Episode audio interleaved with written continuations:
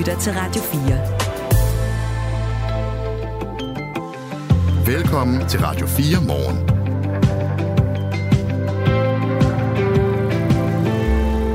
Rigspolitichef Torgild Fode indkalder øh, politidirektør fra hele landet til møde i dag. Det sker efter, at seks betjente fra Københavns politi i går er blevet sigtet for øh, tyveri af særlig grov beskaffenhed, som det hedder, og stillingsmisbrug og øh, besiddelse og videredragelse af euforiserende stoffer. Det har øh, fået øh, Ulrik Detlef Hundfjord Jørgensen fra Nordfyn til at reagere på sms'en, og han skriver, min tillid til det danske politi er i kraftig nedadgående og har været det de øh, seneste mange år. Og så øh, fortæller Ulrik om en episode, hvor han oplevede et røveri i den lokale brus, der ikke blev taget seriøst, og vi var øh, fuldstændig overladt til os selv, og efterfølgende kan jeg godt frygte for vores samfund, at det er så presset, skriver Ulrik fra Nordfyn. Der er også kommet en sms fra Jens, øh, som siger, godmorgen, jeg er som borger helt tryg ved det danske politikorps. Der vil i alle store organisationer være brødne kar, men det er ikke anderledes for politiet, end det er på Christiansborg. Der ser man også brødne kar, som bliver straffet, men der bliver ikke sat spørgsmålstegn ved den kultur, skriver Jens. Altså. Og Torben har en øh, mening om, at man er specielt udsat for øh, politiet her i, øh, i landet, hvis man tilhører forskellige øh, befolkningsgrupper. Han skriver, man skal være bekymret for politiet, hvis man er psykisk syg, hvis man har en anden hudfarve end hvid, hvis man går anderledes klædt, end her og fru Danmark gør det. Og nu viser det så også, at de er kriminelle. Det ved vi altså ikke nu, Torben. De er sigtet, de seks politibetjente, og sagen efterforskes. Og det er derfor, vi øh, taler også blandt andet om øh, tillid eller manglende tillid til det danske politi her til morgen. Det gør vi blandt andet ved lidt senere at tale med øh, Thomas Skov Rohr, der er politiforsker på Københavns Professionshøjskole. Men øh, inden da, der skal vi øh, tale mere om øh, det borgerforslag, der samlede her til morgen lige præcis 50.000 underskrifter. Ja, det... Du lytter til Radio 4. Det er et borgerforslag, som altså nu øh, med sikkerhed kommer til at skulle behandles på den ene eller på den anden måde i Folketingssalen på Christiansborg. Og det lyder, øh, jeg citerer, at Danmark skal fordømme israelske krigsforbrydelser i Gaza, øge dansk bistand til Palæstina og arbejde for en politisk løsning på konflikten. Og det har altså de sidste par dage fået på ganske kort tid fået indsamlet de her nødvendige 50.000 underskrifter, og altså øh, nu øh, nået igennem øh, det system, vi har lavet for borgerforslag og skal behandles. Øh, det gør det til et af de hurtigst voksende forslag, Folketinget har set. Det oplyser Folketingets oplysning til os her på Radio 4 morgen. Og nu kan vi sige godmorgen til dig, Hans Christian Christiansen. Ja, godmorgen. Godmorgen. Du er lektor ved Københavns Business, CPH Business hedder det, og så er du også ekspert i sociale medier. Hvorfor går det så hurtigt? Øh, hvorfor har så mange skrevet under og delt opslag om et borgerforslag som det her, som jo i virkeligheden handler om, om noget storpolitik, som ligger langt fra vores egne grænser? Ja, altså dels ligger det jo så ikke langt fra vores egne grænser på den måde, at vi har jo både israeler, jøder og palæstinenser øh, boende i Danmark, som jo engagerer sig meget øh, i konflikten, så det, på den måde er det meget tæt på. Øh, men i forhold til, hvorfor man lige præcis deler det konkrete indhold af den borgerforslag, øh, altså så er det selvfølgelig rigtig mange grunde, men et af dem er i hvert fald, at der er rigtig mange mennesker, som øh, af et godt hjerte føler, med civilbefolkningen af Gaza og ønsker, at krigen slutter. Og det er sådan, øh, at man på sociale medier gerne deler opslag, hvor man øh, kan demonstrere, øh, at man er empatisk og at man ønsker noget godt for andre mennesker. Det gør sig rigtig godt, når man skal dele opslag. Øh, og så det andet er, så er det jo også et opinionsindlæg. Øh, nu er jeg så ved at kigge på det og nedlæse det lidt, og det er jo et opinionsindlæg, som taler øh, ind i et meget konfliktfyldt tema, øh, med en meget, meget lang historie, som er præget af meget skarpe og øh, modsatrettede synspunkter, øh, altså konflikten mellem øh, Israel og palæstinenserne. Og det er øh, sådan, at opinionsindlæg, som tager til vrede og forbindelser øh, øh, over det, som så her betegnes som Israels øh, krigsforbrydelser, øh, det er et rigtig godt brændstof, hvis man ønsker at, altså, at man får spredt indhold på sociale medier. Så med andre ord, det er både det, at man gerne vil være altså humanitær, øh, hvor, man kan, hvor man kan vise, hvad, hvordan formulerede du det, at man er et godt menneske, men også ja. øh, det modsatte vel så i virkeligheden, altså noget, hvor man kan få lov at blive rasende, eller hvordan? Ja, altså jeg vil ikke sige det modsat, at man ønsker at være rasende. Der er ikke noget galt i at blive vred. Øh, det, er jo rigtig godt, at vi kommer op af lænestolen og engagerer os indimellem, men det er de to øh, synspunkter, eller de modsatrettede synspunkter, som ligger i det, at man får spredt ting på sociale medier. Vrede og krænkelse på den ene side, og så det, at man også gerne vil gøre noget godt. Det er to meget vigtige drivkræfter på sociale medier. Mm-hmm. Nu er der jo, øh, som sagt, er det et af de hurtigst øh, voksende forslag. Øh, på ganske få dage er det her øh, blevet til 50.000 underskrifter. Øh, man skal jo faktisk ind på, på, øh, på mit idé og så videre. Man kan ikke bare sende et, Nej. man kan ikke bare trykke like, som man kan med alt muligt andet, vel? Øh, men der er jo andre forslag, som, hvor det også er gået hurtigt. 50.000 ja. støtter på bare to dage. Det er blandt andet borgerforslaget, som hedder Anerkendt medfaderskab i regnbuefamilier. Det er fra 2022 og et forslag med ja. titlen Hurtig og rigtig hjælp til familier ved spædbarnsstød fra 2021. Øh, så, ja. så du var inde på det før. Hvilken rolle spiller det, at de sociale medier også, øh, eller hvilken rolle spiller de i sådan et øh, borgerforslag? Jamen altså i det hele taget i den demokratiske debat, så er det jo fantastisk, at vi har sociale medier, hvor folk bliver meget engageret, fordi man taler med ens nære netværk, i modsætning til sådan som det var måske for 30-40 år siden, hvor det var øh, sådan mere fjerntliggende politikere, som skabte opinioner og debatter. Øh, her er det øh, ens eget netværk, der er med til at skabe det, og det er jo fantastisk. Det er også det, der gør, at det kan sprede sig så hurtigt. Det føles meget nært. På den anden side, så er det jo også det kritiske, som mange påpeger i sociale medier, at vi kommer jo så også til lidt til at øh, tage vores udgangspunkt i vores nære netværk og måske øh, på sociale medier ikke lytte til så meget. Hvis man kigger på nogle af de her oplæg, du snakker om, så er det jo meget øh, øh indhold, hvor man taler til sit eget netværk og til sin egen ekokammer. Det er jo ikke oplæg, der lægger op til, at man skal lytte og finde løsninger og tale sammen. Og det er der mange, der siger er et demokratisk problem med sociale medier i forhold til den tidligere offentlighed, vi havde. Men, men nu ved jeg godt, du er ikke nødvendigvis ekspert i borgerforslag, men, men er, det et, er det så et demokratisk gode eller et demokratisk problem, at sociale, øh, sociale medier spiller en rolle for, hvor hurtigt man får indsamlet, eller om man overhovedet får indsamlet nok underskrifter til et borgerforslag? Altså, øh, øh, øh engagement er altid godt, så jeg kan, det, det er overhovedet ikke noget problem. Det, der ligger i det, er engagementet på sociale medier ofte er polariserende og konfliktoptrappende. Øh, altså, man ser på sit eget synspunkt, og så er det det, man kører med. Det der med, som vi egentlig gerne vil have med den demokratiske debat, at man også lytter til, hvad kunne modsatrettede synspunkter være. Det ligger ikke så godt til dynamikken på sociale medier, også på grund af algoritmerne på sociale medier, som gør, at man bliver øh, får fremvist øh, ting og sager og nyheder, som øh, man selv tidligere har liket og synes om, men ikke møder andre synspunkter. Og det kan skabe det, som nogen kalder for ekokammer. Altså hvor man kun har kontakt og, og liker og, og reagerer på det, man i forvejen selv har en holdning til. Men, men er, kan man så sige, vil du mene, fordi vi kan godt lide at skælde ud på de sociale medier. Øh, vi kan også godt lide at være på dem. Vi kan i hvert fald ikke rigtig lade være, lader det også til. Ikke? Så vil du så Nej. sige, at de generelt er, er fremme? Altså er vi blevet, blevet er de demokratisk talerør, som vi tidligere ikke havde, eller er det også med til at skade demokratiet? Øh, begge ting det er, at vi havde jo sociale medier tidligere, og der, kan være, og der er fantastiske ting, vi oplevede med sociale medier. Mange nævner konflikten i Mellemøsten øh, som et øh, måde, hvor, hvor man kan se, at marginaliserede grupper pludselig har fået talerør på sociale medier og kommer til udtryk, og det er jo øh, rigtig, rigtig godt.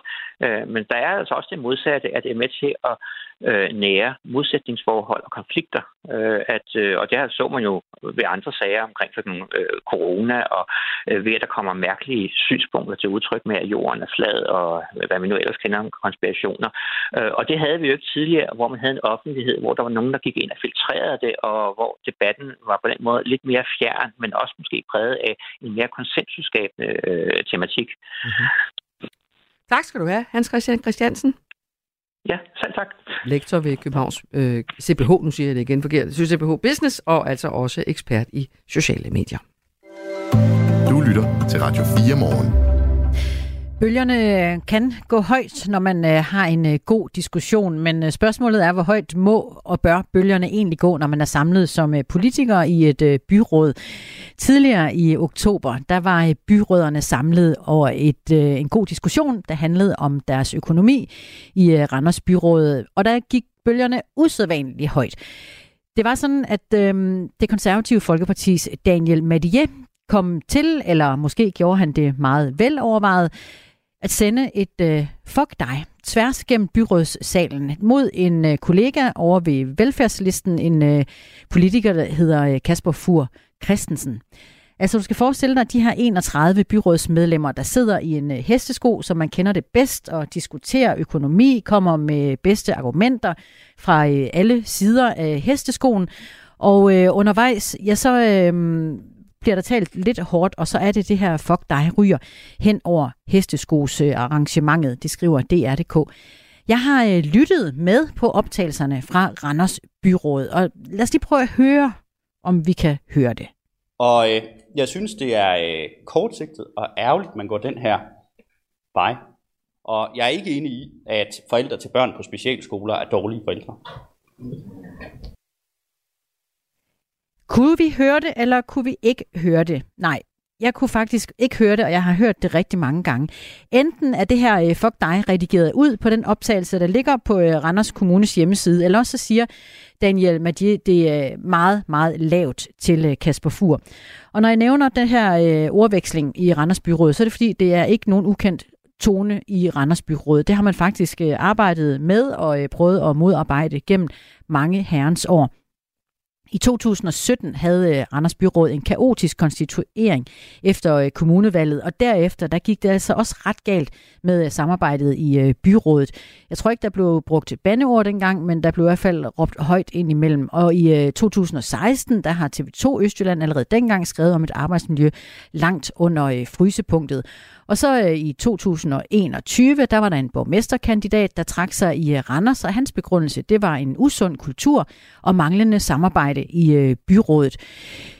På øh, baggrund af, af den nye, øh, lidt hårde ordveksling i byrådet i Randers Kommune, der forsøger vi at få øh, fat i øh, nogen fra Randers Byråd, for at høre om, øh, er den der helt gal med øh, kulturen stadigvæk, altså nu på efterhånden ja, mange år. Hvor mange fra 16 og til nu? Ja, det må jo give en, en, en 4 på 7. 7 år har de arbejdet med det. Vi øh, prøver at tage fat i dem i uh, Randers Kommune i løbet af morgenen. Du lytter til Radio 4. Det danske politi har fået dårlig omtale det seneste stykke tid, og nu indkalder Rigspolitichef Torgild Fode politidirektør fra hele landet til møde senere i dag. Det siger han til øh, Ritzau. Det sker efter, at seks betjente fra øh, Københavns politi i går er blevet sigtet for tyveri af særlig grov beskaffenhed i forbindelse med deres arbejde. Stillingsmisbrug er de også sigtet for, og besiddelse samt videre overdragelse af euforiserende stoffer. Og det har fået justitsministeren til at rette hård kritik mod politiet og kræve en øh, redegørelse på området. Thomas Skov Rohr, politiforsker på Københavns Professionshøjskole. Velkommen til. Ja, tak. Du er ved øh, det område, der hedder katastrofe- og risikomanageruddannelsen. Ja. Hvor, hvor usædvanligt er det, at vi nu ser Rigspolitichefen indkalde politidirektørerne til et møde?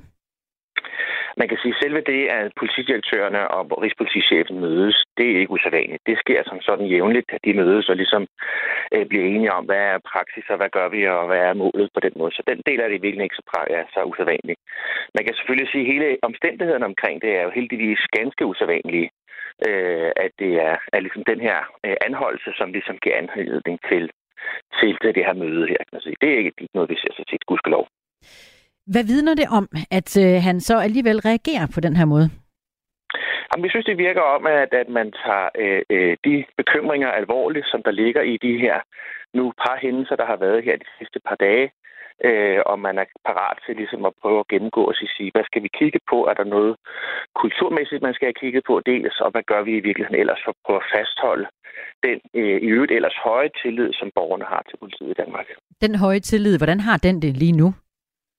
Ja, det er jo svært at lave sådan en stikprøvemåling. Det har vi i hvert fald ikke gjort. Øh, men den seneste måling, vi har øh, fra 2022, den er faktisk ret høj. Højere, end den har været de sidste mange år. Så sådan generisk set, så er tilliden til politiet ret høj. Men det er klart, at sådan nogle historier som de her øh, skader tilliden øh, til, til politiet. Og når du øh, nævner sager, så er det jo fordi, udover hvad vi hørte i går om de øh, seks betjente, der er sigtet for øh, teori og øh, stillingsmisbrug og besiddelse og videreoverdragelse af euforiserende stoffer, så har vi jo altså også Den sag omkring Sydøstjyllands politi, øh, det er øh, rullet ud i øh, dokumentaren Forfulgt af politiet, spørgsmålstegn. Og øh, vi har også øh, hørt om episoden, da en familiefar han blev øh, anholdt og fik peberspray i øjnene på vej på cykel for at hente et barn i øh, daginstitutionen. Vi kender ikke øh, decideret et tal for, hvordan tilliden ser ud, men hvordan vil du så alligevel tro som politiforsker, at det påvirker tilliden med de her typer sager? Jamen, det påvirker den helt sikkert negativt. Altså, øh, borgerne vil jo gerne føle, at politiet er der for dem, og det er de selvfølgelig også.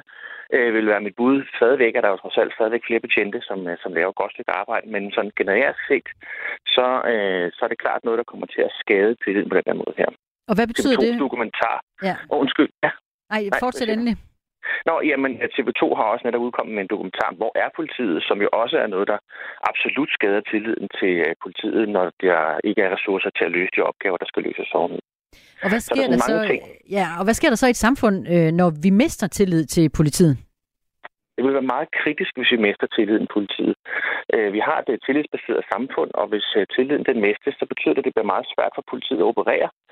Øh, folk har ikke lyst til at starte med politiet og medvirke til at opklare de forbrydelser, som der måtte være. De anmelder måske slet ikke. Øh, så det kan have ret store øh, retssikkerhedsmæssige konsekvenser for, øh, det danske samfund, hvis ikke tiden genetableres. Politikken og andre medier har øh, fortalt om Sydøstjyllands politi, en patrulje i, øh, i Vejle og omegn, som øh, nogle borgere nærmest var, var bange for, i, øh, ifølge de oplysninger, der fremgik der. Hvad betyder det, hvis man som borger er bange for sit politi? Ja, så henvender man sig jo selvfølgelig ikke til dem, kan man så sige. Det betyder, at øh, hvis man bliver udsat for noget, øh, forbrydelse eller andet, øh, så gør man enten selv noget ved det, øh, eller også så, øh, så, så må man ligesom bare leve med det. Altså, så må man leve med at være udsat for noget grimt. Og det er jo ikke en, øh, en position, vi har lyst til at have i det danske samfund. Nej, fordi hvor, hvor står vi så som, øh, som samfund? Ja, så står vi rigtig skidt. Altså, så er vi jo i virkeligheden skudt langt tilbage. Øh, og, øh, og vi kan ikke løse de opgaver, og vi kan ikke skabe den tryghed, som danskerne har øh, både øh, behov for og krav på i virkeligheden også, så de kan leve et godt liv.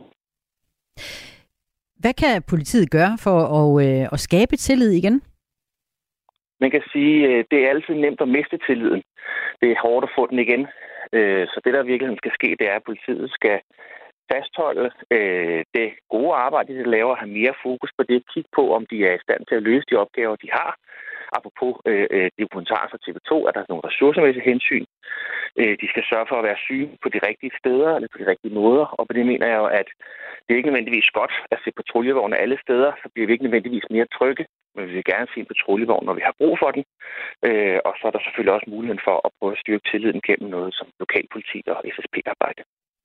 Det er øh, Thomas Skov Rohr, der er med os politiforsker på øh, Københavns Professionshøjskole ved øh, afdelingen Katastrofe- og Risikomanageruddannelsen, fordi seks betjente i går blev sigtet for tyveri og stillingsmisbrug og besiddelse og videredragelse af euforiserende stoffer. Og på baggrund af det har Rigspolitichef Torgild Fode indkaldt politidirektørerne fra hele landet til et øh, møde i dag. Rigspolitichefen har på nuværende tidspunkt ikke nogen konkrete bud på, hvad det egentlig er, der skal ske, men som politiforsker Thomas Skov hvad vil du mene, at øh, han skal, hvad skal de sige til deres betjente derude på de enkelte stationer i dag? Jamen altså, i virkeligheden så tror jeg først og fremmest, at vi skal sige, at, øh, at de skal blive ved med at lave det gode arbejde, de laver. Og så er der en større opgave i virkeligheden, der handler om at få i tale sat, også i daglig regi, øh, de etiske retningslinjer og øh, det korumkrav, som der ligger i det at være politibetjent i Danmark, sådan så at det ligesom bliver en naturlig del af ens hverdag, at man ligesom bliver konfronteret med, med at der jo selvfølgelig også er nogle retningslinjer den vej omkring. En øh, uh, sms, der er øh, kommet, mens vi uh, taler. Thomas Skov, Roer, politiforsker på Københavns Universitet, det er et, altså et konkret forslag. Kropskamera, det vil kunne styrke tilliden til politiet, står der. Er du enig i det? Ja, det er jeg faktisk enig i. Jeg tænker, at bestemt kropskamera vil være en, en god løsning. Øh, der bliver i hvert fald også udenom diskussioner øh, om øh, halve eller hele øh, videoklip eller andet. Øh, så det synes jeg ikke vil være nogen dårlig idé. På ingen måde, nej. Det var et uh, konkret, forslag fra uh, sms'en uh, Thomas Skov Roer, politiforsker på Københavns Professionshøjskole ved Katastrofe- og Risikomanageruddannelsen. Tak fordi du var med. Velkommen. lytter til Radio 4. Inflationen i Europa falder. For præcis et år siden lå den på 10,6 procent. I år er den så på lige under 3 procent. Og inflation er jo det, der gør, at man kan købe mindre for de samme penge, havde jeg sagt, altså for de penge, end du har i dag, end dem, du kunne have i går. Øh, det gør så som oftest, at forbruget stiger.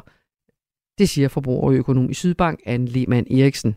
Der er flere penge mellem hænderne i år, end der var sidste år. Øh, og fordi at inflationen er blevet tæmmet og er så lav, og folk har nu vendet sig til den nye normalen om, nu koster varerne det og det, øh, og en liter mælk er dyrere end den var for to år siden osv., det, det er den nye hverdag, og så, jamen, så bliver der brugt igen. Og inflationen er faldet, fordi centralbankerne har hævet renterne for blandt andet boligejerne. Det lykkedes for centralbankerne. De har jo brugt rentevåbnet. De har lavet øh, ECB, altså den europæiske centralbank, har sat renten op 10 gange i træk. Nu har de så lige øh, holdt en pause, og sandsynligvis er det ikke nødvendigt at sætte den yderligere op.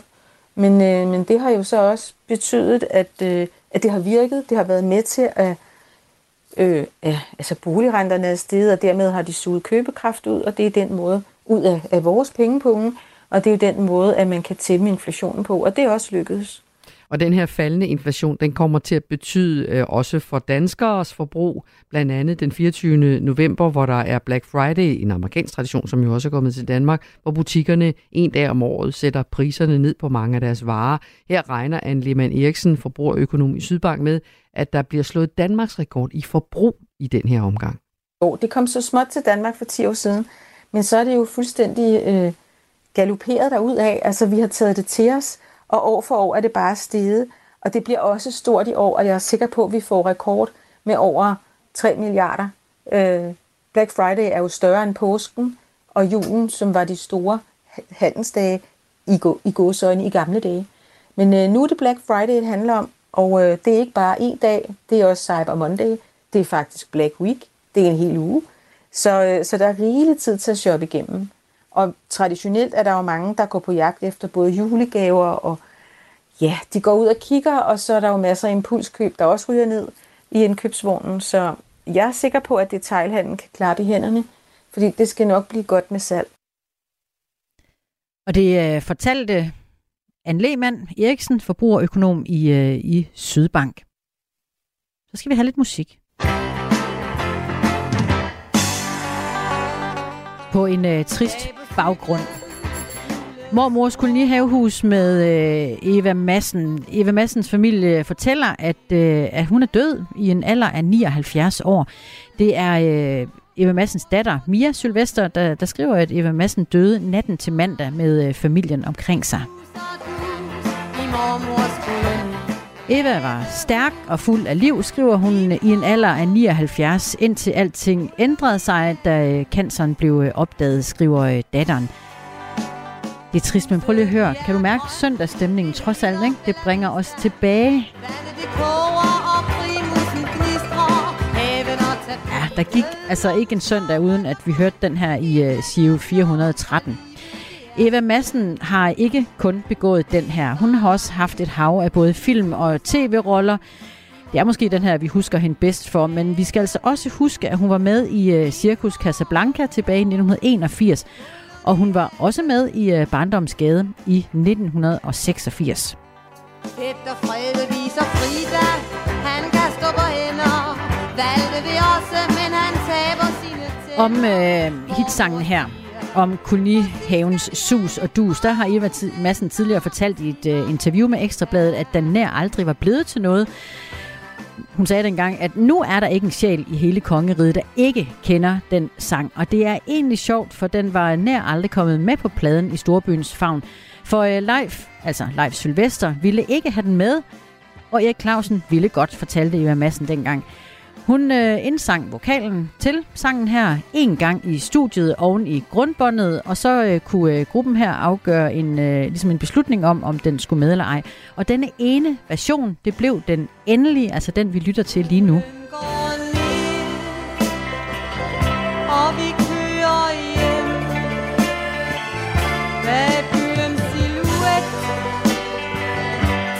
stjernerne frem Rødhus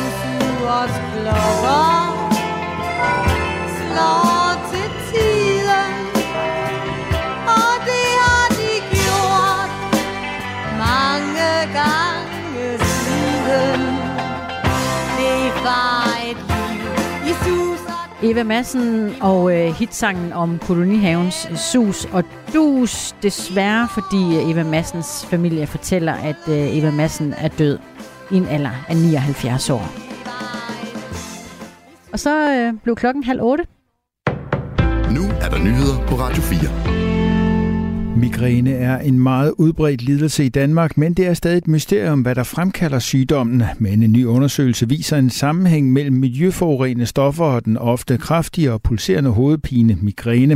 Det er forskere fra Dansk Hovedpinecenter og afdeling for vækst og reproduktion ved Rigshospitalet samt Roskilde Universitet, der i samarbejde med franske kolleger står bag undersøgelsen. Det vi har fundet, det er, at øh, rigtig mange af de her miljøkemikalier, som vi har i os alle sammen, de kan aktivere de øh, smertereceptorer, som vi ved kan resultere i et migræneanfald, og det synes vi er, er ret interessant.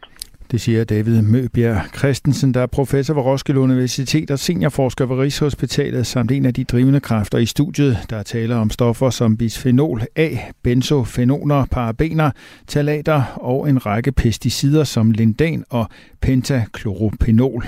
Parabener dækker eksempelvis over en bred vifte af forskellige stoffer, som blandt andet bruges i kosmetik, cremer og shampoo. Undersøgelsen er i første omgang lavet på mus, og den skal nu yderligere testes for endeligt at kunne kobles til mennesker. Børn skal fremover bruge mindre tid på at kigge på tablets og andre skærme, når de er i dagtilbud. Det er formålet med en ny politisk aftale, som et bredt flertal på Christiansborg står bag. Aftalen gælder også for private pasningsordninger, skriver Børne- og Undervisningsministeriet i en pressemeddelelse. Der vil ikke være tale om et decideret forbud mod for eksempel tv og tablets, men tilgangen vil være restriktiv, fastslår børne- og undervisningsministeren. Mathias Tesfaye, jeg er alvorligt bekymret for børn og unges stigende skærmforbrug. Det gælder særligt de yngste børn. Derfor er jeg glad for denne aftale, der skal sikre, at lovgivningen understøtter personalets gode pædagogiske arbejde med, børnenes ansigt, med børnene ansigt til ansigt. Med aftalen får vi en langt mere restriktiv øh, tilgang til skærme, særligt for de mindste i vuggestuer og dagpleje, siger Mathias Tesfaye. Lawrence Forsett, der i september blev den anden person i verden til at få indopereret et svinehjerte, er død seks uger efter transplantationen. Det oplyser hans lærer fra University of Maryland i byen Baltimore, ifølge ABC News. I en udtalelse fra hospitalet fortæller Forsæts kone Anne, at hendes mand viste, at han ikke ville overleve længe. Han forestillede sig aldrig, at han ville overleve så længe, som han gjorde, lyder det ifølge ABC News. Forsett var ikke berettiget til en transplantation med et menneskehjerte. Listen over patienter, der venter på sådan et er lang, og det var i fortsat tilfælde kun snævre chancer for, at det vil fungere. Uden et nyt hjerte stod den 58-årige amerikaner med høj sandsynlighed over for hjertesvigt. Lægerne skal nu ifølge ABC News analysere, hvad der skete med hjertet. Der er tale om en gigantisk nedskrivning for Ørsted, og på sigt kan det betyde noget for selskabets vilje til at investere i blandt andet havvindmøller. Så lyder konklusionen fra Jakob Pedersen, aktieanalysechef i Sydbank, efter at Ørsted natten til i dag meddelte, at det stopper projekterne Ocean Wind 1 og 2 i USA. Det kan betyde, at man drosler ned på ambitionerne om at opføre vindmøller i fremtiden, fordi de finansielle seler ikke kan bære den vækst, siger han. Samlet set løber Ørsteds nedjusteringer op i 28,4 milliarder kroner i årets første ni måneder. Hovedparten af nedskrivningerne, 19,9 milliarder, kommer fra Ocean Wind 1. Jakob Pedersen kalder det for et markant stød, men han mener ikke nødvendigvis, at det er livstruende for Ørsted. Når det alligevel er alvorligt for selskabet, handler det om risikoen for, at kreditbyråerne nedjusterer Ørsted. Men det er, jo, det er jo alvorligt i den forstand, at øh, det kan betyde, at ratingbureauerne de nedjusterer Ørsted. Det vil gøre det dyrere for Ørsted at låne penge. Dermed så vil Ørsted blive mindre konkurrencedygtig og få svært ved at vokse. Og Ørsted sætter egentlig også alting i spil i, øh, i den her meddelelse og siger, at man kommer til at skulle kigge på kapitalstrukturen for at styrke den. Øh, og derudover så er man måske også nødt til at skulle revurdere vækstambitionerne, når vi kigger fremad. I dag får vi først tørt vejr med lidt eller nogen sol, men skyer og regn breder sig fra sydvest. Temperaturer mellem 5 og 10 grader. Det her er Radio 4 morgen. Husk, at du kan sende os en sms på 1424. Konflikten mellem Israel og øh, Palæstina er, er øh, central i nyhedsdækningen og central i øh, mange samtaler, og mange politikere er også optaget af at udtrykke deres holdninger til krigen. Men hvad skal der ske, og hvad bør der ske, når øh, kamphandlingerne er slut? Hvilke muligheder er der overhovedet for at løse konflikten mellem Israel og palæstinenserne? Det spørgsmål sætter vi fokus på hele den her uge på Radio 4, og vi øh, stiller spørgsmål til øh, de politiske partier på Christiansborg. Vi har spurgt hos Moderaterne, vi har spurgt hos Nye Borgerlige, og nu er turen kommet til Alternativet. Udenrigsordfører Sascha Faxe, velkommen til. Tak skal du have. Hvordan mener du og Alternativet, at vi øh, kan løse konflikten mellem Israel og Palæstina? Jamen altså i første instans, så handler det jo om en deeskalering hurtigst muligt. Øh, og jeg tror også, det handler om at forstå, at den nuværende konflikt jo ikke som sådan er i den åbne konflikt er mellem Palæstina og Israel, men mellem Hamas, som er en terrororganisation, og, og Israel. Ikke? Øhm, så, så, så deeskalering er jo super vigtig. Altså konflikten er jo fuldstændig taget overhånd, øh, og, og der sker jo alt, alt for mange mor. Deeskalering, er det en, altså, en våbenhvile, du uh, taler om? Ja, det er en våbenhvile. Altså vi... først og fremmest skal vi jo have lavet en humanitær våbenhvile og få massiv nødhjælp ind i Gaza, ikke? men at få lavet en våbenhvile, sådan, så det her ikke fortsætter, fordi det er, man kan ikke, der er mange, altså jeg ved godt, der er gamle ord, der hedder, at man skal smide, mens jernet er varmt, men i den her situation, så er det nok bedst at smide, mens jernet er koldt. Altså vi er simpelthen nødt til at få, få det ned i et leje, hvor man rent faktisk taler sammen og ikke smider bomber i hovedet på hinanden. Så lad os bare tage den der, Sascha Faxe, udenrigsordfører for Alternativet. Hvordan øh, får øh, du og vi som, øh, som dansk stat sat gang i den proces om en våbenhvile? Jamen altså, det, det første, altså selve våbenhvile, altså det ville jo have klædt Danmark at have stemt for den resolution, som var oppe i FN i sidste uge. Jeg går klar over, at man ikke gjorde det, fordi at Hamas ikke var nævnt i den.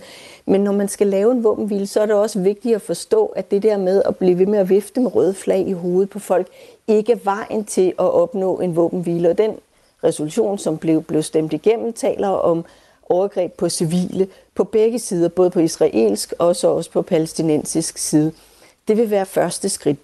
Derfra vil det også være vigtigt, altså når man når derhen, så er verden simpelthen tager det her alvorligt. Øhm, fordi verdenssamfundet har jo et medansvar i forhold til den konflikt, vi står i. Det har været verdenssamfundet, der i 1948 var med til at skabe staten Palæstina, men det er også verdenssamfundet, der i vid udstrækning har vendt det blinde øje til, at Israel gennem årene har besat store dele af det område, der skulle have været Palæstina, siden at det blev aftalt. Så det vil sige, at der har været en konflikt konfliktoptrapning hele vejen igennem, som man ikke har påtalt. Det vil, så derfor så er det vigtigt, at hele verden, og der mener jeg også USA, fordi at jeg tror ikke, Men, at så længe vi ikke USA med i det her, så får vi ikke en løsning. Sascha Faxe, udenrigsordfører for Alternativet. Vi, vi har en mission i den her uge på Radio 4 morgen, og det er at finde ud af, hvad de øh, danske politikere synes, at vi skal gøre. Hvad kan vi gøre som dansk regering, stat og øh, partierne på øh, Christiansborg? Så, så hvilken rolle kan vi påtage os i, i det, du ønsker dig, altså en ret hurtig våbenvilde? Jamen altså, som sagt, FN-resolutionen vil være et rigtig godt sted at starte, række ud til de øh, lande, vi normalt samarbejder med, herunder også USA, øh, og, og være med til at prøve at skabe et pres derfra. Men det ville også være en idé, hvis Danmark holdt op med at lave våbeneksport til Israel. Altså lige nu er vi jo med til at bidrage til det maskinrum, som, som Israel kan navigere i militært. Så det, det er jo et sted at starte. Samtidig med, så har vi også en regering, som aktivt går ud og udtrykker støtte til den ene part i det her, altså til, til Israel, og siger, at, det, at man har lov til at forsvare sig selv den retorik, tror jeg, er med til at, at, at fastholde konfliktniveauet. Fordi det vi ser er jo ikke en konflikt, hvor at øh, man, altså hvis, hvis man tager regeringens øh, og mange andres øh, hvad hedder det, retorik omkring, at, det er, at man har ret til at forsvare sig mod terrorisme, så gør man jo noget andet, end man normalt gør i terrorisme- og gisseltagningssituationer. Normalt så gør vi i demokratiske stater det, at når man har taget gisler, og når man har en, en terrorsituation, så forsøger man jo at spare så mange civile liv som overhovedet muligt. Man skyder sig ikke igennem, altså øh, en, for eksempel hvis man ser en gisseltagning på en amerikansk skole, skyder man sig jo ikke igennem hundredvis af børn for at nå hen til gisseltageren. Men det er den situation, vi ser nu, og der tror jeg, at retorikken vil blive ved med at understøtte Israel er med til at fastholde konfliktniveauet. Mm. Så der er nogle nogle narrative ting, og så er der også nogle globale diplomatiske ting, vi og kan der, gøre. lige der, der bliver du øh, bakket op nu af 50.505 underskrifter ved et øh, borgerforslag, der øh, har alle skrevet under på, at Danmark skal fordømme israelske krigsforbrydelser i Gaza. Det hører jeg også sige. Hvordan skal Danmark gøre det? Jamen, det skal de jo være at sige det højt. Det er jo første sted. Og det andet sted er så, som jeg også siger, det er at gå igennem. Altså, jeg er godt klar over, at FN er ret stikket i det her, fordi at det kræver, at Sikkerhedsrådet også går med ind, og der har vi jo et land som USA siden. Men jeg tror, det er vigtigt, at Danmark også går med ind der. Der er jo heldigvis nogle europæiske lande, der har været inde og støtte, også nogle, som normalt er neutrale, altså for eksempel Schweiz. Øh, det vil have klædt os der. Den anden del af det er, at hvis man går ind og forbryd, øh, hvad hedder det, fordømmer krigsforbrydelse, så kan man heller ikke have handel med det land. Altså vi både køber og sælger våben med Israel, og det gør vores nabolande for eksempel ikke. De er langt mere tilbageholdende, altså Sverige og Norge for eksempel. Det vil også være et sted. Så det er nogle rigtig gode steder at starte nu kan man sige, at, at, øh, at det, du, for det, du, det, du beskriver, handler jo rigtig meget om at øh, sætte nogle grænser for Israel, men der er vel også en side af det, som, som øh, for eksempel en af vores lyttere skriver, Anna skriver, kære studievanner, men jeg kan jo sende den videre til dig også. Hun skriver, vi ikke godt huske, at de fleste lande omkring Israel ikke anerkender Israels eksistens, og at FN med et stort øh, flertal i 1948 godkendte, at jøderne efter holocaust skulle have deres eget land. Og når jeg læser den øh, kommentar op for en lytter, så er det jo fordi, at alt andet lige, så er israelerne jo sindssygt presset i deres eget land. Man kan diskutere hele forudsætningen for, at de overhovedet har Israel, og det ikke er et Palæstina og alt det her. Men sandheden er vel, at de føler sig i den grad troet, og når der så sker sådan et terrorangreb som det her, så, det, så, så er det, at nogle politikere og rigtig mange andre også siger, de skal have ret til at forsvare sig selv. Hvor passer det ret, den ret til forsvar ind i dit syn på den her øh, løsning på konflikten? Jamen det er jo vigtigt at sige, at, at vi kan jo ikke lave om på det, der skete i 48. Altså det, det vil jo være, og det er jo også derfor, at vi skal arbejde på en to-statsløsning. Det handler ikke om, at Israel skal væk, men det handler jo altså heller ikke om, at Palæstina skal væk. Og selvfølgelig er det enormt presset, når at ens nabolande ikke går ind og anerkender en. Det forstår jeg godt. Men det er jo også vigtigt at forstå, at det her er jo ikke en land mellem to, eller en krig mellem to lande. Det er jo ikke et land, der har angrebet Israel. Det er jo ikke Jordan, der er gået ind over Israels grænser og har, aner- og har forsøgt at, at gøre noget ved Israel. Det er en terrorbevægelse, som har haft mulighed for at gro i Palæstina i skyggen af, at verdenssamfundet har vendt det blinde øje til og har været med til at, at altså, gøre det virkelig svært for Palæstina at opbygge et demokrati og i det hele taget eksistere som land. Palæstina er jo ikke engang anerkendt som, som øh, selvstændigt land internationalt. Ikke? Så, så, så dermed er det jo også vigtigt at fastholde, og det skal FN også gøre. De skal bestemt også fastholde Israels ret til at, at være en del af det. Så der vil jo være forhandlinger mange steder rundt, og det vil der jo også være med nabolandene.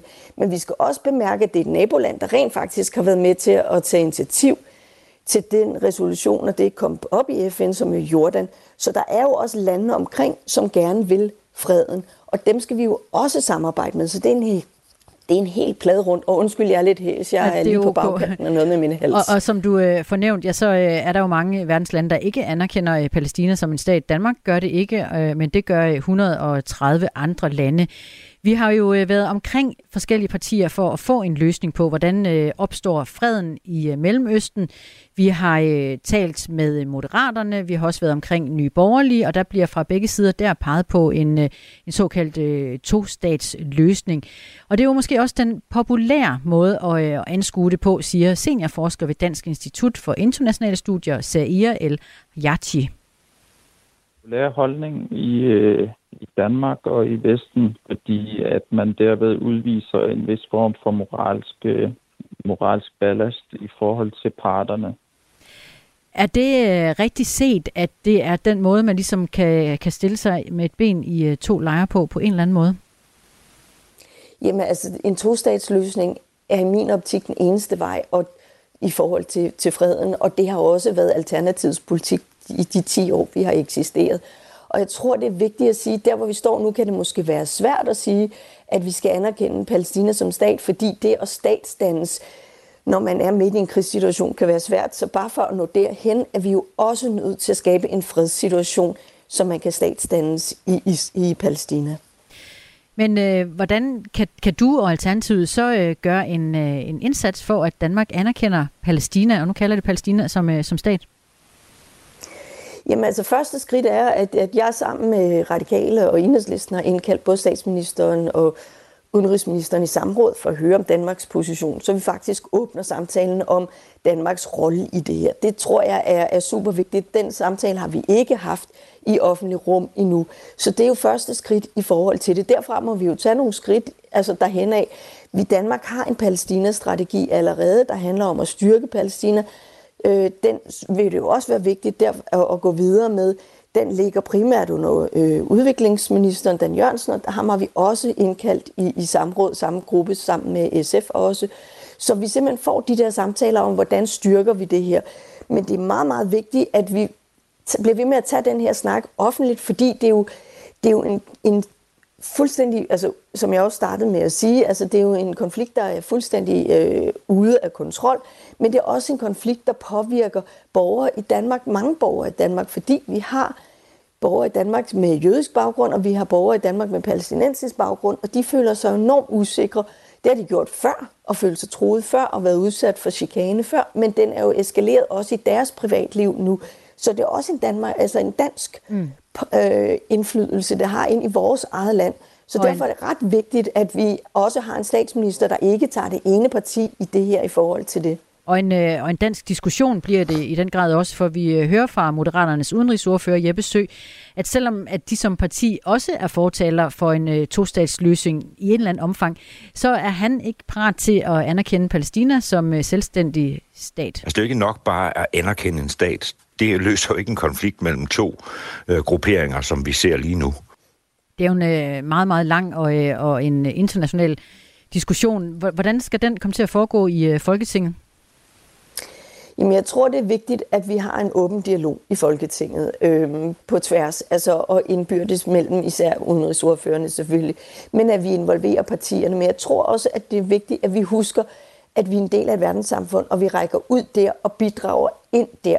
Vi har jo set de få gange, hvor det lykkedes at at få noget ro på og komme nogle, i hvert fald et skridt frem, at det så er gået måske tre skridt tilbage bagefter, altså en anden situation. Men det har jo været, når lande udenfor har taget et medansvar i forhold til det her. Men, for at, men det, som mange, mange eksperter peger på, det er, hvis vi skal nå hen til en endelig løsning, så er det vigtigt, at Israel oplever et eksternt pres, altså fra andre lande, og for at opleve det grundigt nok, så er USA, som jo er en meget tro støtte af Israel, nødt til at være med ombord. Og der spiller Danmark jo som en tæt allieret i forhold til USA også en rolle. mm. Sascha Faxe, udenrigsordfører for Alternativet. Nu sparer vi øh, din stemme for yderligere nu, og vi kommer til gen. Tak for det. Og så øh, skal vi så i øvrigt spørge øh, flere partier ind de kommende dage til, hvordan de ser en, en form for fredsløsning i Mellemøsten. Du har fået til job at synge kor for ABBA. Jamen, jeg var ikke simpelthen klar over, hvor sindssygt det egentlig var. Det var jeg jo ikke. Jeg var jo bare ni år og glad i låget. Musik er en hurtig genvej ind bag facaden. Jeg følte jo, at alle de sange var til mig. Ind bag den offentlige person. Jeg kiggede ind i et mørke. Det er jo der, jeg skal hen. Det er jo der, alt trøst er. I Portrætalbum bruger Anders Bøtter musikken til at vise nye sider af sine gæster. Carmen Køllers uh, Axel Byvang, har han en playlist? Jeg ved ikke, hvad jeg tør sige det. Det er så pinligt. Blandt andet Backstreet Boys. Lyt til Portrætalbum i Radio 4's app, eller der, hvor du lytter til podcast. Radio 4. Hold kæft, mand. Det tror Ulla Terkelsen ikke, det der. Ikke så forudsigeligt. Vi har talt rigtig meget om det, der foregår i øh, Mellemøsten, øh, den, også denne morgen. Vi har også talt rigtig meget om politiet og tilliden til politiet. Nu skal vi tale om fodbold. Alt tyder på, at det bliver Saudi-Arabien, som bliver værtsnation for herrenes fodbold-VM slutrunde i 2034. Tirsdag bekræftede det internationale fodboldforbund FIFA nemlig på sin hjemmeside, at der sådan set ikke er nogen andre lande end Saudi-Arabien, som har budt på værtskabet. Og deadline var her øh, øh, til midnat, og der er, så vidt jeg ved, Erik Brygger, direktør i DBU, ikke kommet andre kandidater øh, i mellemtiden, vel? Altså, jeg gik i seng over midnat, og der var ikke kommet noget. Der skal, være, der skal være sket et eller andet, der skal være sket et eller andet helt ufor, uforudset hen over ja. Nej, jeg har heller ikke hørt, at, du har at der ikke hørt, andre, der har lagt billet ind. Nej, det er vel i sig selv usædvanligt, ikke? at der kun er et, en kandidat. Ja, altså nu, nu, jeg kan jo ikke sige, at jeg er belastet af, af utrolig lang historisk viden. Jeg har været i DBU en, en måned, men... Øh, men Derfor kan man godt have sat sig ind har, i VM i fodbold. Ja, det er rigtigt, men der, og der har før været, været mere, mere end en kandidat der. Det er jo ikke sådan, at der normalt er, en lang, lang øh, liste af, af kandidater, men mm. i det her tilfælde er der så kun en enkelt, der har sagt, at, øh, at de er interesseret i at, at udforme det endelige bud. Det, de har gjort indtil nu, er jo forløbet at sige, at vi er interesseret i at blive værter, og så kommer der så den formelle budproces, den, den går i gang faktisk per, per i dag og løber øh, det meste af et år. Og tillykke, Erik Brygger, så øh, med direktørjobbet i DBU, og så på vegne af dit øh, nye job, havde jeg sagt, i, på DBU og, og du. Øh, hvad siger I til det her verdensmesterskab i Saudi-Arabien 2034? Jamen, hvis de ender med at få det endelig tildelt, og, og det ved vi faktisk først om, om et års tid, men lad os nu bare antage, at, at det nok er der, det ender. Det, det er svært at forestille sig, at det ikke skulle, skulle ende der. Øh, vi har jo hele tiden sagt, at vi havde håbet dels, at der var flere, der, der bød ind, sådan så der ville være en, en reel konkurrence i, i, den, i den formelle budproces, der starter nu. Og vi har også sagt, at, at set fra et dansk synspunkt med det generelle blad, som Saudi-Arabien har på, på rettighedsområdet, så vil vi gerne have, at VM kommer til at finde sted i et andet land. Hvad mener du med det, at øh, rettighedsområdet, hvordan spiller det ind her? Jamen, der er i, i i de krav, som FIFA stiller til en vært for en, en VM-slutrunde, der, der er en lang række krav. Altså først og fremmest skal de selvfølgelig have stadions, der kan, der kan tage tilskuere, hvor man kan afvikle kampe, men de skal også øh, opfylde en masse andre krav i forhold til, hvordan de har tænkt sig kommercielt at, at, at gribe det an.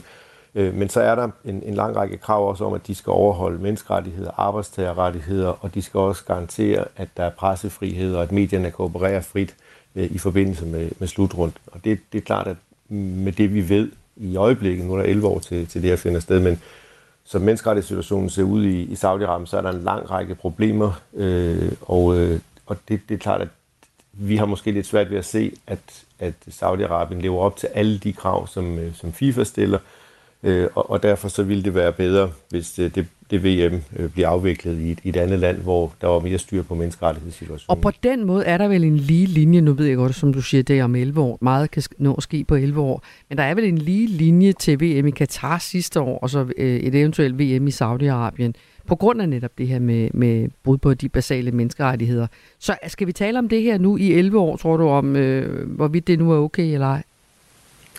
Altså, mit bedste bud vil være, i, altså i hvert fald i betragtning af, at den utrolige interesse, der har været allerede inden i går, og især særdeleshed i går, og nu I så også, også på den her fra morgenstunden af, at ja, jeg tror i Danmark, der kommer vi til at tale om, om menneskerettighedssituationen i Saudi-Arabien de næste 11 år, øh, indtil det VM bliver, bliver afviklet. Det, mm. det tror jeg. Men man må også sige, at ja, ikke fordi jeg har afdækket i det internationale mediebillede 100%, der er selvfølgelig andre, der har skrevet om det, men vi ender nok også med at være et af de få lande, hvor det vil være et fokusemne i, i 11 år, og det er selv i en situation, vi aner ikke engang, om vi skal deltage i, i, i VM. Vi vil først vide en gang i 2033, om vi kvalificerer os i det hele taget. Men selv i det tilfælde, at vi ikke måtte kvalificere, så vil der stadigvæk, gætter jeg på, være utrolig fokus på menneskerettighedssituationen i Saudi-Arabien i, i hele perioden frem til 2034. Så, så, så udover at vi skal diskutere landsholdets øh, meritter, så kommer vi også til at diskutere, hvor det her landshold eventuelt øh, i givet fald vil skulle spille sine kampe. Men øh, når vi taler om det her i dag, som du siger, i Brygger, der er, der er øh, fokus på det, der er opmærksom på det, øh, opmærksomhed på det i dag, så er det jo også fordi, at øh, Australien øh, tidligere tirsdag trak sig som bejler, og så er Saudi-Arabiens bud altså det eneste tilbage. Det endelige valg af VM-vært vil først officielt finde sted i slutningen af 2024. Det er Asien eller Oceaniens tur til at afholde, afholde VM i 34, fordi Nordamerika ved USA, Kanada og Mexico afholder slutrunden i 2026, og Afrika og Europa og Sydamerika ifølge FIFA er dækket ind frem til 2030. Øh, og Saudi-Arabien havde jo allerede annonceret sit bud 4. oktober. Det skete få timer efter, at FIFA havde givet 2030-slutrunden til et fælles bud fra Spanien, Portugal og Marokko. FIFA satte samtidig 31. oktober som deadline for bud på 2034-slutrunden øh, og gav altså eventuelt bejler mindre end en måned til at byde ind, bare lige for at få alt det med i lytternes øh, bevidsthed, også når vi taler om det her. Og Erik Brygger, i, altså direktør for øh, DBU, i jeres seneste orientering fra bestyrelsen, der er der et, en kritik i forbindelse med den her korte ansøgningsfrist. Jeg citerer, vi har fået meget lidt information om processen frem mod de beslutninger, hvilket vi synes er kritisabelt. Hvad siger det jer, at der har været så kort en periode for lande til at forberede et eventuelt modkandidatur? Altså, jeg, jeg, jeg tror, man skal, man, jeg skal nok svare på spørgsmålet, men jeg tror, man skal tænke, tænke ind her også, at, at øh, en VM-slutrunde øh, omfatter nu 48 lande. Det vil sige, det er et kæmpe stort arrangement.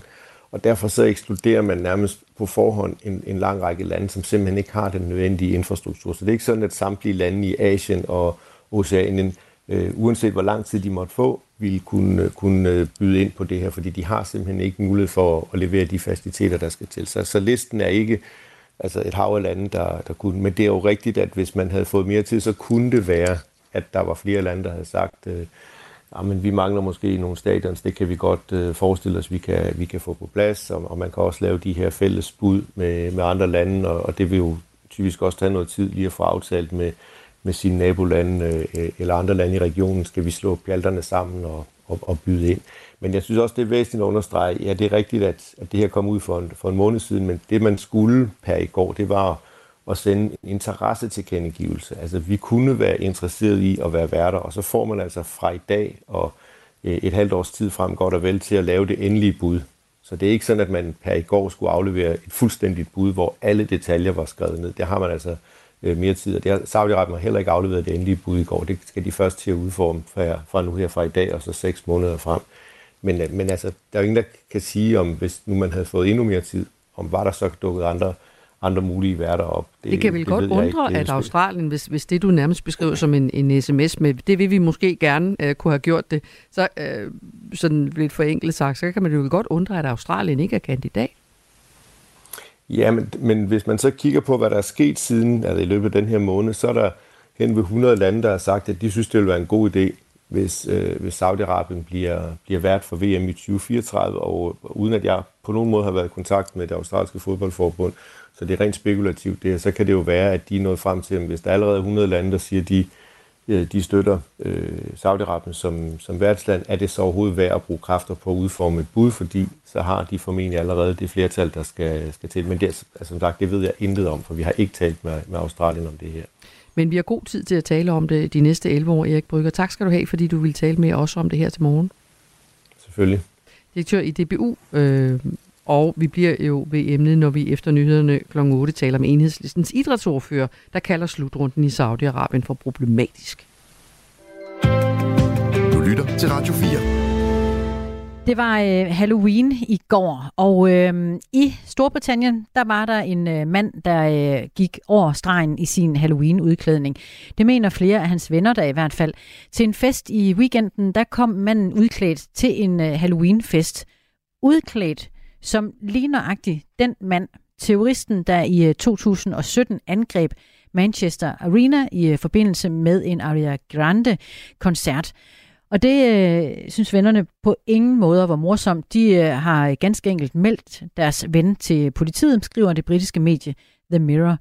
Han øh, havde, denne mand havde taget et øh, tørklæde om hovedet, og øh, så bar han en øh, sort rygsæk, hvor han havde skrevet ordene Boom og øh, TNT, altså øh, sprængstoffet TNT på.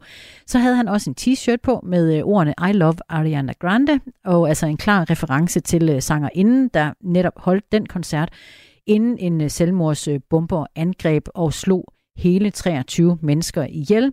Iblandt også sig selv, og øh, 1000 andre mennesker var øh, såret efter angrebet tilbage i øh, maj 2017. Han er ikke bare meldt til politiet og øh, foragtet af sine venner, men er også lagt for had på de sociale medier. Han øh, siger der, at han havde ikke til hensigt at såre nogen som helst med sin udklædning, og han synes ikke, det var over grænsen. Men øh, det synes altså både venner og øh, folk på de sociale medier. Det her er Radio 4 morgen. En øh, sommerhushistorie, var det noget om, at vi skulle øh, forbi det? og du spørger jo, Christine, jeg kan vi skal fortælle det, fordi jeg står og ruller med øjnene og siger, hvad skal vi nu? Ja, men det var fordi, du havde lovet øjne, mig. Det, det, du havde det, lovet mig jeg har historie. Lovet dig. Men det, det, det, er fordi, jeg tænker, at vi nogle gange får brug for også at sige, at fortælle om positive ting, som kan ske på de sociale medier. Øh, vi har jo diskuteret sociale medier i forbindelse med det her borgerforslag, som nu har fået de 50.000 underskrifter. Vi diskuterer også meget ofte det her med, at der er meget vrede på sociale medier, og at man kun er der, fordi man synes, man ikke vil gå glip af noget osv. osv. Nogle gange kan de faktisk også godt føre til, øh, til gode ting og sager. Mm. Øh, og det er blandt andet den næste historie et, øh, et eksempel på, det er ikke kun had, der strømmer på de sociale medier. Det er også nogle gange kærlighed. Øh, der kommer gode ting ud af det. Fire studerende fra Københavns Universitet fik nemlig kærligheden at føle, da det er sommerhus i Hanstrøm, som de havde booket i tre uger. Nu skulle de afsted og lave en opgave, og så kommer de her oversvømmelser og alt vandet, og så øh, kan de ikke bo der alligevel. De læser antropologi på Københavns Universitet, så de kender måske ikke nødvendigvis så mange lige i Hanstrøm. Øh, de skriver opgave om erhvervsfiskeri i Hanstholm, hører også med til historien. Men så krydser de Lillebælt, og så får de den her besked. Så skriver de ud på den her lokale Facebook-gruppe, det sker i Hanstholm. Hjælp! Vi har ikke noget sted at bo. Det er tre uger, de skal rykke rundt og ikke finde ud af, hvor i alverden de skal bo hen. Og så vælter det ellers ind med hjælpsomme tyboer. Oh. Øh, ja, opslaget blev delt flere hundrede gange og fik masser af kommentarer og forslag, og de fik surprise, surprise, de fik et nyt sted at bo i et sommerhus, som ikke var oversvømmet. Var det ikke en dejlig historie? Og det synes jeg, det øh, kan vi bruge til noget en øh, onsdag morgen. Hjælp til øh, selvhjælp på de sociale medier. Lad øh, kærligheden strømme, også på sms'en. Det kunne da også være dejligt. På nummeret 1424, så når du i direkte kontakt til Mette Vibe Utzon og Christina Ankerhus i nyhedsstudiet nu. Klokken er 8. Du har lyttet til en podcast fra Radio 4. Find flere episoder i vores app, eller der, hvor du lytter til podcast. Radio 4. Ikke så forudsigeligt.